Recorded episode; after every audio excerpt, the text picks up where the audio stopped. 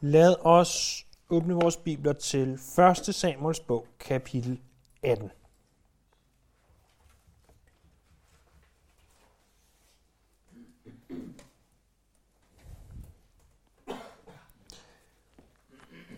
Kapitel 17 er jo der, hvor vi så, at David slog Goliat ihjel. Men her i kapitel 18, der ser vi, at nu er det Davids liv, der igen er i fare. Denne gang under Sauls hånd. Så han har lige kæmpet for en, og, og vundet en, en ekstremt stor sejr for Saul. Men nu forsøger Saul at slå David ihjel. Hvad jeg oplever,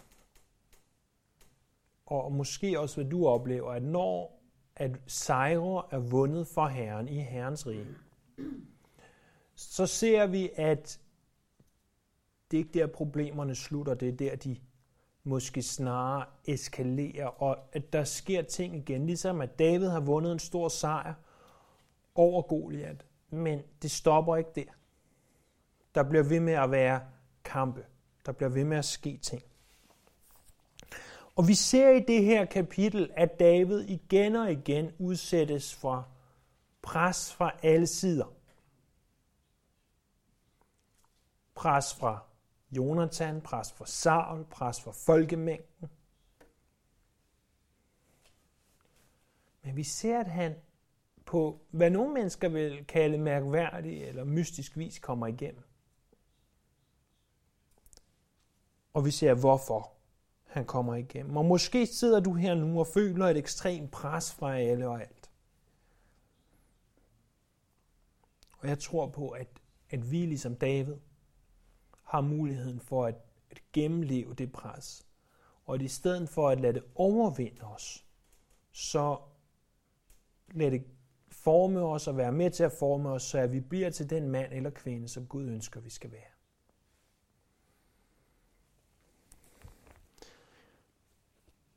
Lad os læse de første 16 vers til at begynde med.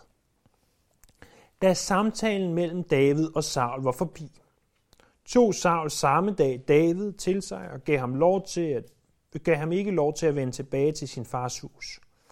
Jonathan følte sig tæt knyttet til David og elskede ham lige så højt som ham selv. Han sluttede pagt med David, fordi han elskede ham som sig selv. Jonathan tog den kappe af, han havde på, og gav den til David sammen med sin dragt, ja selv sit svær, sin bue og sit bælte. Hver gang David drog ud, hvor Saul indsendte ham hen, havde han lykken med sig.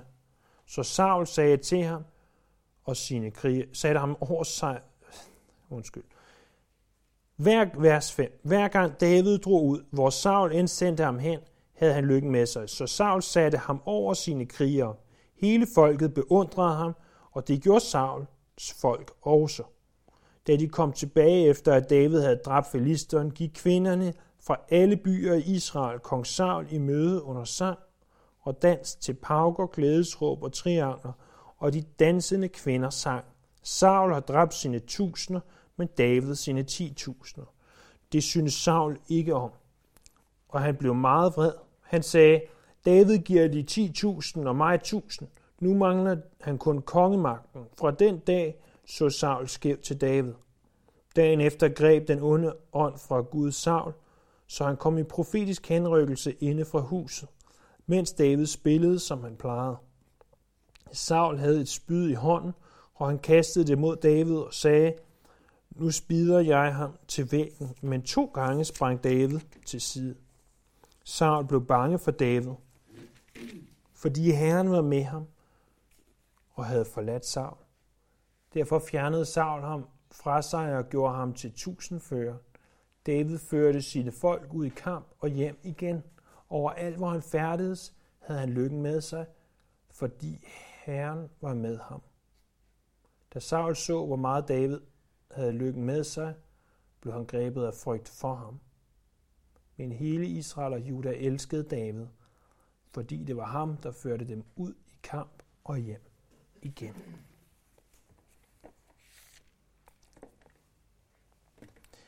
Vi ser altså her i de her første 16 vers, hvordan at Saul begynder at blive misundelig på David.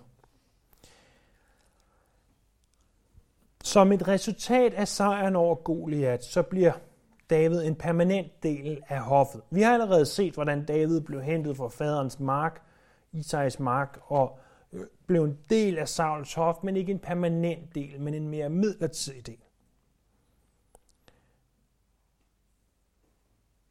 Jeg tror, at ved at Saul nu gør David til en mere permanent del af hoffet, så kunne Saul udsætte sit løfte om ægteskab og rigdom, som han havde lovet det tilbage i kapitel 17, vers 25. Men Saul var ikke den eneste, som David havde et forhold til. Han havde også et forhold til Jonathan, Sauls søn. Vi har allerede mødt Jonathan en gang før, i kapitel 14. Jonathan, han var en troens mand. Jonathan var, var en god mand, en mand, der elskede Herren, og vi ser også her, at han elskede David. Han var Sauls ældste søn, og David han var den yngste søn af sin far. Jonathan var, formoder vi, et sted mellem 20 til 30 år ældre end David. Og Jonathan havde været herrefører ved Mikmas og Giba, som vi ser det der i kapitel 13 og 14. Han giver så noget af sit tøj og sin våben til David. Ved at gøre det, så anerkender han, at David skal være den næste konge.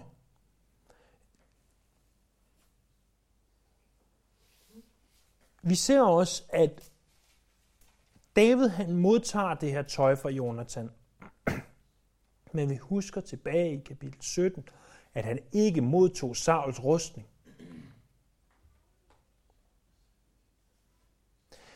David ville godt acceptere noget, der kom fra en troens mand, men ikke fra en kødsmand, som Saul var og Jonathan var, når vi stiller dem op i kontrast med hinanden. Han ville godt modtage en anerkendelse fra Jonathan, men han ville ikke modtage en slags anerkendelse fra Saul. David og Jonathans venskab er i hebraisk litteratur det ultimative ideal for venskab, er der nogen, der har skrevet. Øh, der står, at Jonathan elskede David. Og selvfølgelig har forvirrede, øh, øh, sindsforvirrede mennesker forsøgt at læse et homoseksuelt forhold ind i det her. Øh, men to mænd kan altså godt elske hinanden, uden at der behøver at være noget homoseksuelt i det, og noget umoralsk i det. I stedet for så sluttede Jonathan en pagt med David. Og den her pagt, som vi læser om her, den vil vi komme til at møde igen og igen. Og vi kommer til at se, at den påvirker meget af Davids tid som konge. David han blev en slags general eller herrefører i Sauls hær, og folket de elskede ham. Folket elskede ham ikke fordi, at han gjorde det, der var belejligt eller godt, men jeg tror, at de elskede ham, fordi han var en mand efter Guds hjerte, og han var en mand, som var fyldt med kærlighed og med visdom. Og så sker der noget her i vers 7. Saul kommer tilbage, og vi hører, at kvinderne de synger.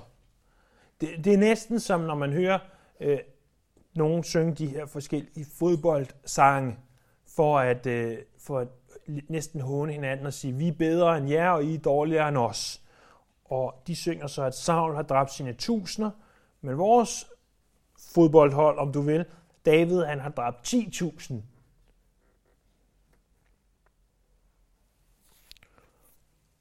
Og selvfølgelig så brød Saul sig ikke om den her sang. Og det gjorde han jo ikke, fordi han vidste jo godt, at det var sandt, at det, som David havde formået, var langt større end det, Saul havde formået.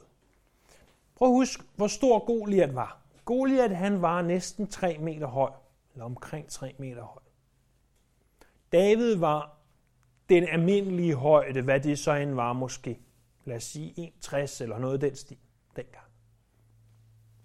Men Saul, ved vi, var cirka et hoved højere end alle andre i folket.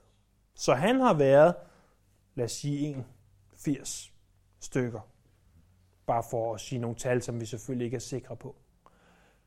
Og det havde givet meget mere mening, havde det været Saul, der havde gået ud i krig imod Goliat, end det havde været David.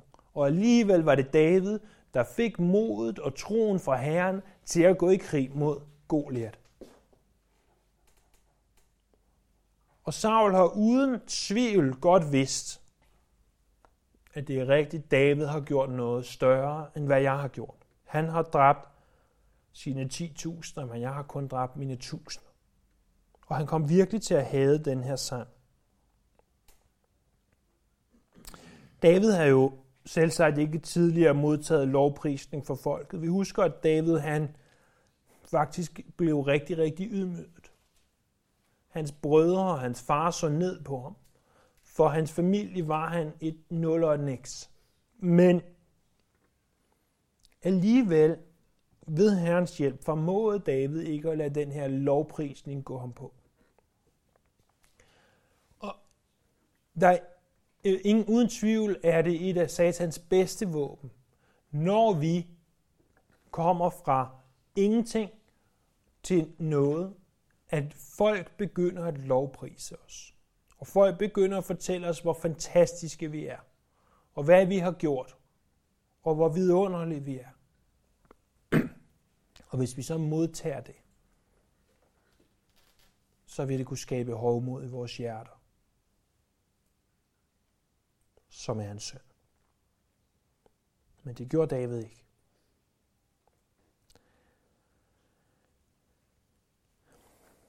Saul siger, nu siger de, at han har dræbt 10.000, nu mangler han kun kongemagten. Det er næsten som om, det er i vers 8, at Saul anerkender, at David bliver den næste konge. Og så er det, at der står i vers 10, at dagen efter greb den onde ånd fra Gud Saul. Og som vi tidligere har, har set, så tror jeg, at den onde ånd for Gud betyder, at Gud har tilladt en ond ånd at angribe Saul. Og der står så, at Saul kom i profetisk henrykkelse. Eller, det står der på dansk. Hvad i alverden betyder det? Jo, vi har allerede set det en gang, hvor et profetisk henrykkelse bare betød, at man profeterede. Men det ord, som kan oversættes profeteret, kan også oversættes til noget i retning af at tale i vildelse. Så Saul, han går altså ind, den her onde ånd kommer, han begynder at tale i vildelse, bliver nærmest sindssyg, mens David sidder der og spiller på sin harpe eller sitar, ganske som han plejede. Og så har Saul et spyd i hånden. Jeg ved ikke, hvad Saul lavede med et spyd i hånden indenfor. Om han har renset negle med det, eller bare stået og leget med det med fingrene, eller hvad han har. Men pludselig kaster han det der spyd efter David, og David når at springe til side.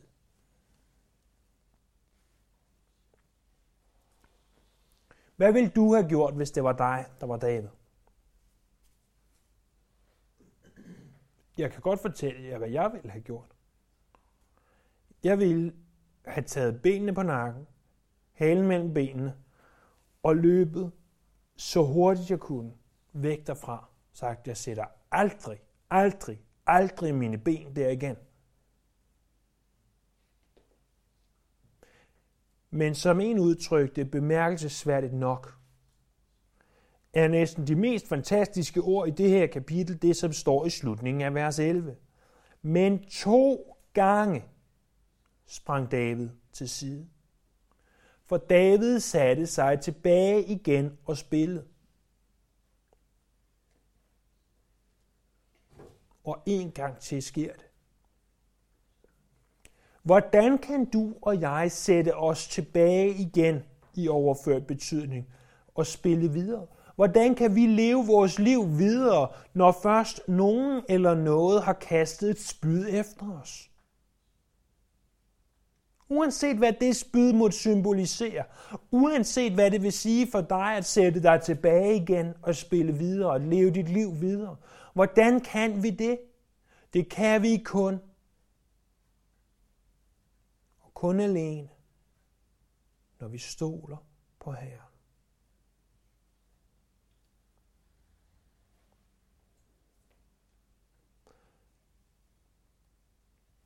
Det her det er også et tydeligt bevis på, at Gud var med David. For Saul var en eminent kriger, det er der ingen tvivl om. Og det her har været på tæt hold og alligevel undviger David ikke bare én gang, men to gange Sauls spyd. Gud har sørget for, at David nåede at springe til side.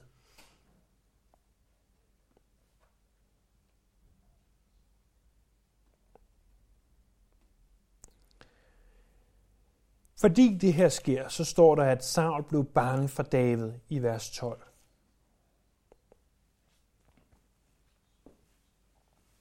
Han blev ikke bange for David, fordi David var en stor, stærk fyr. Han blev ikke bange for David, fordi at David havde dræbt løver, bjørne eller Goliat for den sags skyld. Han blev ikke bange for David, fordi David kunne bruge en stenslynge så godt som enhver professionel kriger. Han blev bange for David, fordi Herren var med David, står der. Fordi Herren var med ham, og fordi Herren havde forladt Saul. Så Saul han gør noget kløgtigt.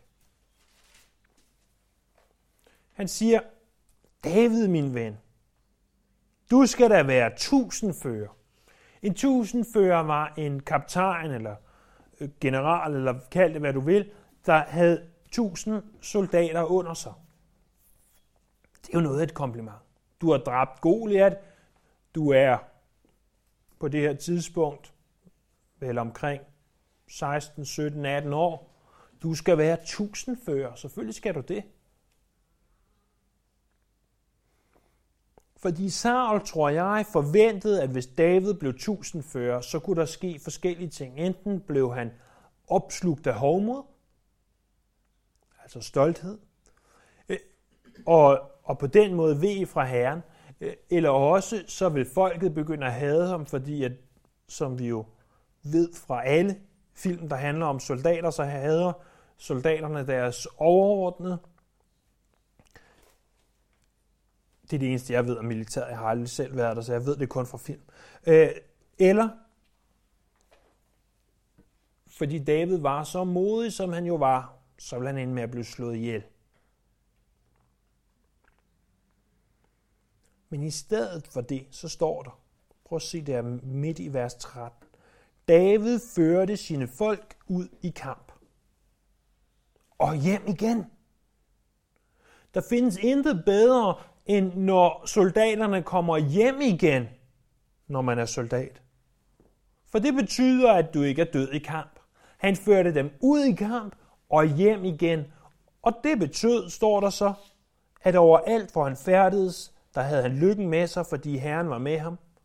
Og da Saul så, hvor meget David havde lykken med sig, blev han grebet af frygt for ham, men hele Israel og Juda elskede David, fordi det var ham, der førte dem ud i kamp og hjem igen.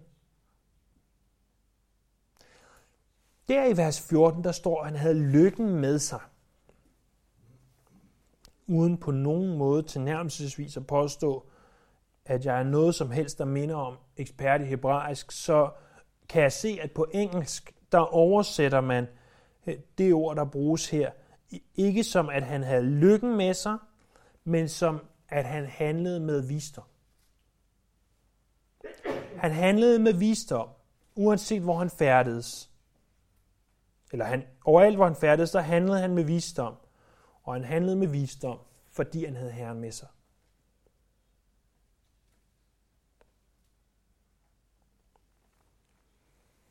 Så Saul tænker, hvad skal jeg nu gøre? David bliver bare mere og mere populær. Herren er med ham, han vinder. Hvis jeg ikke kan få hovmod til at fælde ham, hvis, hvis ikke folket kan begynde at hade ham, for, øh, fordi at de, øh, deres mænd dør øh, i krig, og de taber, og han er hård ved dem, hvad kan jeg så gøre? Så tænker Saul, en kvinde. Så vi ser videre i vers 17 ned til slutningen af kapitlet. Saul sagde til David, jeg vil give dig min ældste datter Merab til hustru, hvis du viser dig tapper i min tjeneste og fører herrens krige. Saul tænkte nemlig, det skal ikke være min, men filisternes hånd, der rammer ham. Men David svarede Saul, hvem er jeg, og hvad er min stamme og min fars slægt i Israel, at jeg skulle blive kongens svigersøn? Men ved den tid, da Sauls datter Merab skulle gives til David, var hun allerede blevet gift med Adriel fra Mehola. Sauls datter Michal elskede David. Det fik Saul at vide. Og det var han godt tilfreds med, for han tænkte, jeg vil give hende til ham, så hun kan blive en snare for ham, og filistrene kan få ram på ham. Saul sagde så for anden gang til David, nu kan du blive min svigersøn. Saul befalede sine folk, at de underhånden skulle sige til David, kongen holder af dig, og alle hans folk elsker dig. Nu kan du blive kongens svigersøn. Sauls folk lod disse ord gå videre til David, men David sagde, synes I, at det er en lille ting at blive kongens svigersøn? Jeg er jo en fattig og ringe mand. Sauls folk fortalte ham, hvad David havde sagt. Så sagde Saul, I skal sige til David, at kongen ikke bryder sig om anden brudekøbssum end 100 filisterforhuder, som hævn over kongens fjender. Det var Sauls plan, at David skulle falde for filistrenes hånd. Hans folk fortalte David, hvad Saul havde sagt, og han var tilfreds med vilkårene for at blive kongens svigersøn. Inden tiden var gået, brød David op med sine mænd og drog ud og slog 200 filistre ihjel. Og David kom med deres forhuder, og de blev leveret til kongen i fuld tal, så han kunne blive kongens svigersøn. Saul gav ham sin datter Michael til hustru.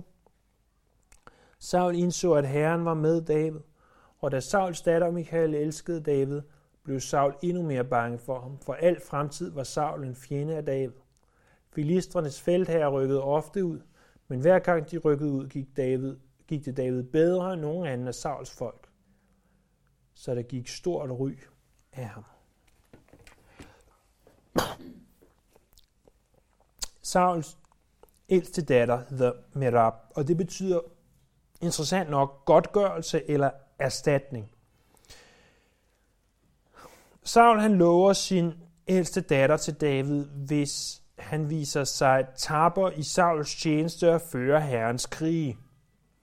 Fra Sauls side er det her smier, fordi Saul var på det her tidspunkt temmelig ligeglad med, med Herren. Vi så øh, tidligere, at han sagde til Samuel, Herren din Gud. Øh, det var snarere Sauls håb, at David, som jo var en troens mand, vil sige, hvis det er noget, jeg gør for Herren, så vil jeg gøre det her. Og øhm, på den måde gå ud og ende med at blive dræbt. Det var Sauls håb, at, at David ville blive dræbt. Ganske som vi ser det. At David senere i 2. Mosebog kapitel 11, vers 15, sørger for, at Urias går ud og bliver dræbt, hvor det var bekvemt for David. Men David han bliver ikke gift med Merab, fordi hun er så åbenbart i mellemtiden blevet gift, og øh, ja, sådan kan det jo gå. Han anser det som om, at David siger, at jeg kommer fra en uværdig familie. Vi ser altså, at den her hovmod ikke har, har overtaget David, øh, og at han forbliver ydmyg. Vi ved også, at hende her Merab, hun ender med at blive gift med ham her, der står her, og får fem børn. Og de her fem børn, dem dræber David senere i 2. Mosebog kapitel 21, fordi at Saul han brød pakten med Gibeonitterne, øh, som vi læste om i Jos, eller som vi læser om i Josua kapitel 9. Det er en side note, det er ikke det vigtigste i kapitlet, men jeg vil blot øh, nævne det. Så er der en anden datter, som Saul han har. Hun hedder Michael, eller Michael. Øh, Michael tror jeg, man, man plejer at sige. Og hendes navn betyder, hvem er som Gud? Hun har en, en oprigtig kærlighed til David. Måske ikke så meget en kærlighed til Davids Gud, men i hvert fald en kærlighed til David og hans øh, udseende, hans øh, formåen osv. Alt det var hun voldsomt betaget af. Og Saul siger så, du kan få hende her. Og øhm, det kommer altså til at koste en brudekøbsum. Hvad er en brudekøbsum? Jo, det er, at at Gommen han skulle betale en eller anden sum til, til brudens far. Således, at hvis Gommen lige pludselig døde, eller i det hele taget ikke ville være gift med hende mere, jamen så kunne faren øh, tage sig af bruden. Stadigvæk tage sig af sin datter. Men hvordan Saul har tænkt sig at bruge den her brudekøbssum til at tage sig af sin datter, det ved jeg ikke. For det han siger, det er, jeg skal have 100 filister forhuder, for at du må gifte dig med hende. Som David Gusik skrev i sin kommentar på det her, det er et af de steder, han er glad for, at Bibelen ikke er illustreret i sin helhed. Øh, fordi øh, det er ikke det, vi måske har mest lyst til at se. Så Saul tænker, hvis han skal ned og have 100 filister forhuder, jamen så skal han slå de her filister ihjel. Han får dem nok ikke frivilligt.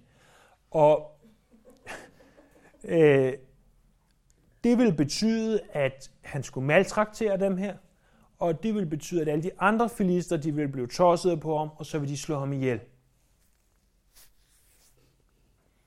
Men det sker ikke. David han tager sin mænd, går ned, tager ikke 100, men 200, får kniven frem og gjort det, han skal, og kommer tilbage til Saul med det her. Det var ikke en ualmindelig måde at gøre sådan noget her, for at få lov til at vinde kongens øh, datter øh, og, og maltraktere fjenden simpelthen. Det er alt andet lige det, der sker.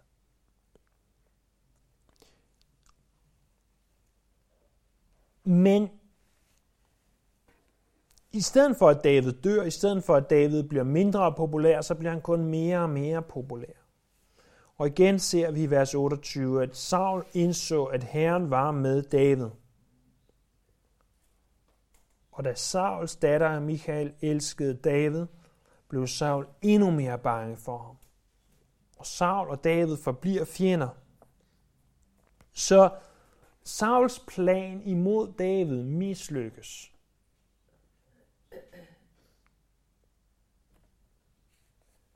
Og, Saul, og David bliver bare mere og mere populær. Prøv at tænke sig det enorme pres, som David er under i det her kapitel. Han er ven med kongens søn. Han er nærmest bedste venner med kongens søn. Og jeg tror, at David vil gerne bibeholde det her venskab. Men der er selvfølgelig et pres, for han ved godt, at Jonathan burde være arving til tronen. Og nu er David arving til tronen, og, og, og forestil dig det pres, der ligger både på Davids skulder, men også selvfølgelig på Jonathans skulder. Se, hvordan folket igen og igen øh, elsker ham og lovpriser ham og synes, han er fantastisk. Forestil dig, hvilket pres, der ligger på David, for at han skal begynde at tænke, det er også rigtigt, jeg er fantastisk. Jeg er utrolig. Jeg slog Goliat ihjel. Men David siger, det er ikke mig, det er Gud. Forestil dig, hvilket pres, der hænger på David, i det han arbejder for Saul. Og Saul igen og igen og igen forsøger at få ham slået ihjel. Først direkte med det her spyd, senere indirekte ved at sende ham i krig. Der var en konstant overhængende fare, som vi ser, at, at indtil Saul dør, vil der være en overhængende trussel fra Sauls hånd.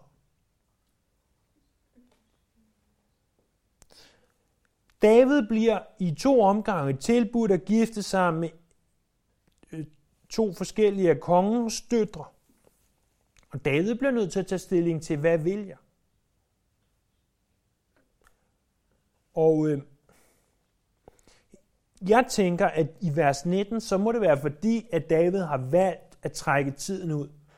At, eller Saul har, jeg ved det ikke, men en af dem har i hvert fald valgt at trække tiden ud. Og jeg tror sådan set, at det er David, så at han venter længe nok til, at han ikke bliver gift med hende. For det er klart, at at de tre vers 17, 18 og 19 er jo selvfølgelig noget, der sker over et længere stykke tid. Jeg tror ikke, at Saul trods alt var så tåbelig, at han, han siger til David, øh, nu kan jeg sende dig ud i krig, og så kan du giftes med min datter. Hun skal godt nok giftes på lørdag, så hvis du kan nå det inden der. Jeg tror ikke, det er det, der er sket. Jeg tror, at, at David har sådan kæmpet og gjort det, han skulle, og det, han var kaldet til, at der simpelthen er gået for lang tid, så han er endt med ikke at blive gift med hende. Og han, han bliver så gift med den anden datter og siger, nu må det være tid. Nu må det være tid til at få den øh, belønning, som jeg skulle have for at slå Goliath ihjel, men endnu mere til at tage et skridt på vejen til at blive den konge, som Gud har salvet mig til at være.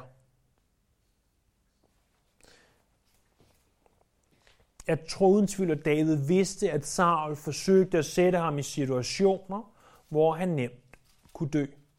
Og David kunne have valgt og sige, jeg tager ikke til Filister og henter 100 eller 200 filister forhuder. Jeg stikker af. Jeg løber min vej. Jeg tager hjem til forflokken og bliver forhyrt. Men, men David, selv under det her ekstreme pres, der har været, udfører jobbet. Han gør det, han er kaldet til. Og jeg ved ikke, hvilket pres, i hvert fald ikke specifikt, som du er udsat for.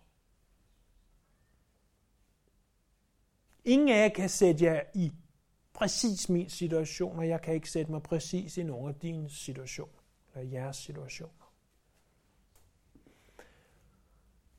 Og det kan godt være, at du føler, at Saul konstant kaster spyd efter dig. Det kan godt være, at du føler, at andre mennesker forsøger at manipulere dig. Det kan godt være, at du føler en konstant overhængende fare. Det kan også være, at du føler, at jeg ved ikke, hvad jeg skal gøre. På den ene side vil Saul gerne have, at jeg skal giftes med hende her, og jeg ved ikke, og så videre, og så videre. lad være med at tage situationerne speci- specifikke, men se det i det større billede som situationer, der kommer imod os, som er ekstremt stressende, som er ekstremt angstprovokerende. Du ved ikke, hvad du skal gøre. Du ved ikke, hvordan du skal vælge. Men grunden til, at David vidste, eller i hvert fald kom til at vide, hvordan han skulle leve sit liv, hvordan han skulle agere i de her situationer, det er, fordi han fik visdom, og han havde visdom, så at Herren var med ham. Hvordan tror du, at David fik den visdom?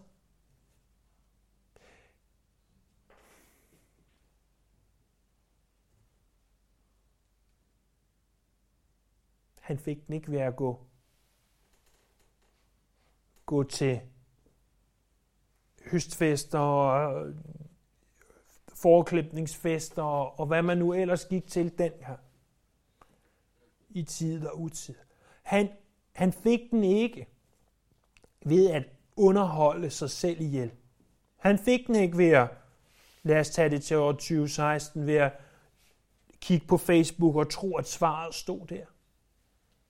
Han fik den ikke ved at google internettet tynd for interessante oplysninger. Han fik den ikke ved at sætte sig ned og se fjernsyn. Han fik den ikke ved at have verdens mest interessante arbejde. Ja, ja, han skulle spille for kongen, men hans liv var også i overhængende fare ved at gøre det. Han havde været forhyrte, noget af det, som alle så ned på. Han fik den ikke ved at have den mest interessante uddannelse. Ikke alle de ting, som, som jeg og, og, og vi så tit bruger vores tid på at stræbe efter. Det var ikke der, han fik visdom. Han fik visdom ved at være alene med Herren. Ved at bruge tid sammen med ham. Ved at bruge tid i hans ord. Ved at skrive de salmer, som vi læser i salmernes bog. Ved at have et dybt, intenst forhold til Herren.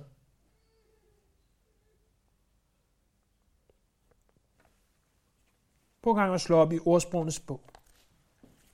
Ordsprogenes bog er produktet af, hvad David var indirekte. Fordi ordsprogenes bog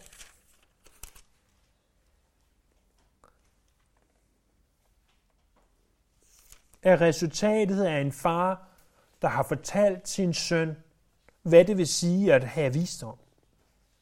Så David har fortalt sin søn Salomo, det her er visdom.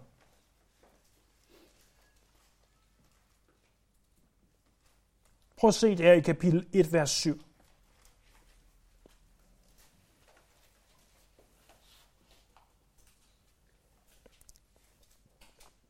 At frygte Herren er begyndelsen til kundskab. De dumme ringeagter visdom og belæring. Eller i kapitel 2, vers 6. Herren giver visdom, fra hans mund kommer kundskab og forstandighed. Eller kapitel 3, vers 5 og 6. Stol på Herren af hele dit hjerte, og støt dig ikke til din egen indsigt. Hav ham i tankerne på alle dine veje, så vil han jævne dine stier. Eller vers 13 af kapitel 3. Lykkeligt det menneske, der har vundet visdom, det menneske, der opnår forstandighed.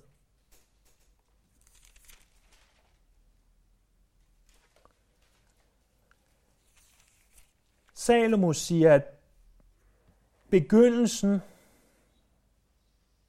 til visdom, og måden, hvorpå vi får visdom, det er at kende Herren. Det er at komme dybere i vores forhold til Herren. Det er der i visdom findes. Visdom til at kunne vide, hvad vi skal gøre i de her ekstremt pressede situationer. Og jeg kan også betro jer en anden hemmelighed om David og om os selv.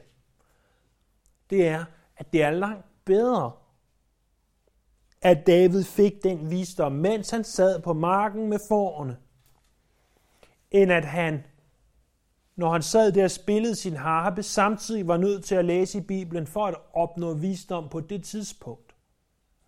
Brug tiden nu, hvor det ikke er lige så presset, lige så stresset, hvis det er den situation, du står i nu, så brug tiden nu til at oparbejde den visdom, til at oparbejde det nære forhold til Herren. For de stressede og pressede situationer, de skal nok komme. Det er helt sikkert, at lige pludselig, så føler du et spyd flyvende imod dig. Lige pludselig, så føler du, at du bliver sendt ud i kamp med det ene formål, at du skal dø. Og men ikke fysisk, så i hvert fald på andre måder. Og det er langt bedre at være forberedt på forhånd, end at skulle forberede sig, når du står midt i situationen.